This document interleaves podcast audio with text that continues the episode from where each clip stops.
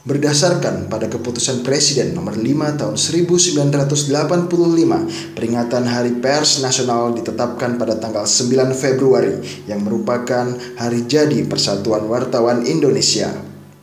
Kami, Warta 17 Agustus mengucapkan Selamat Hari Pers Nasional 2019.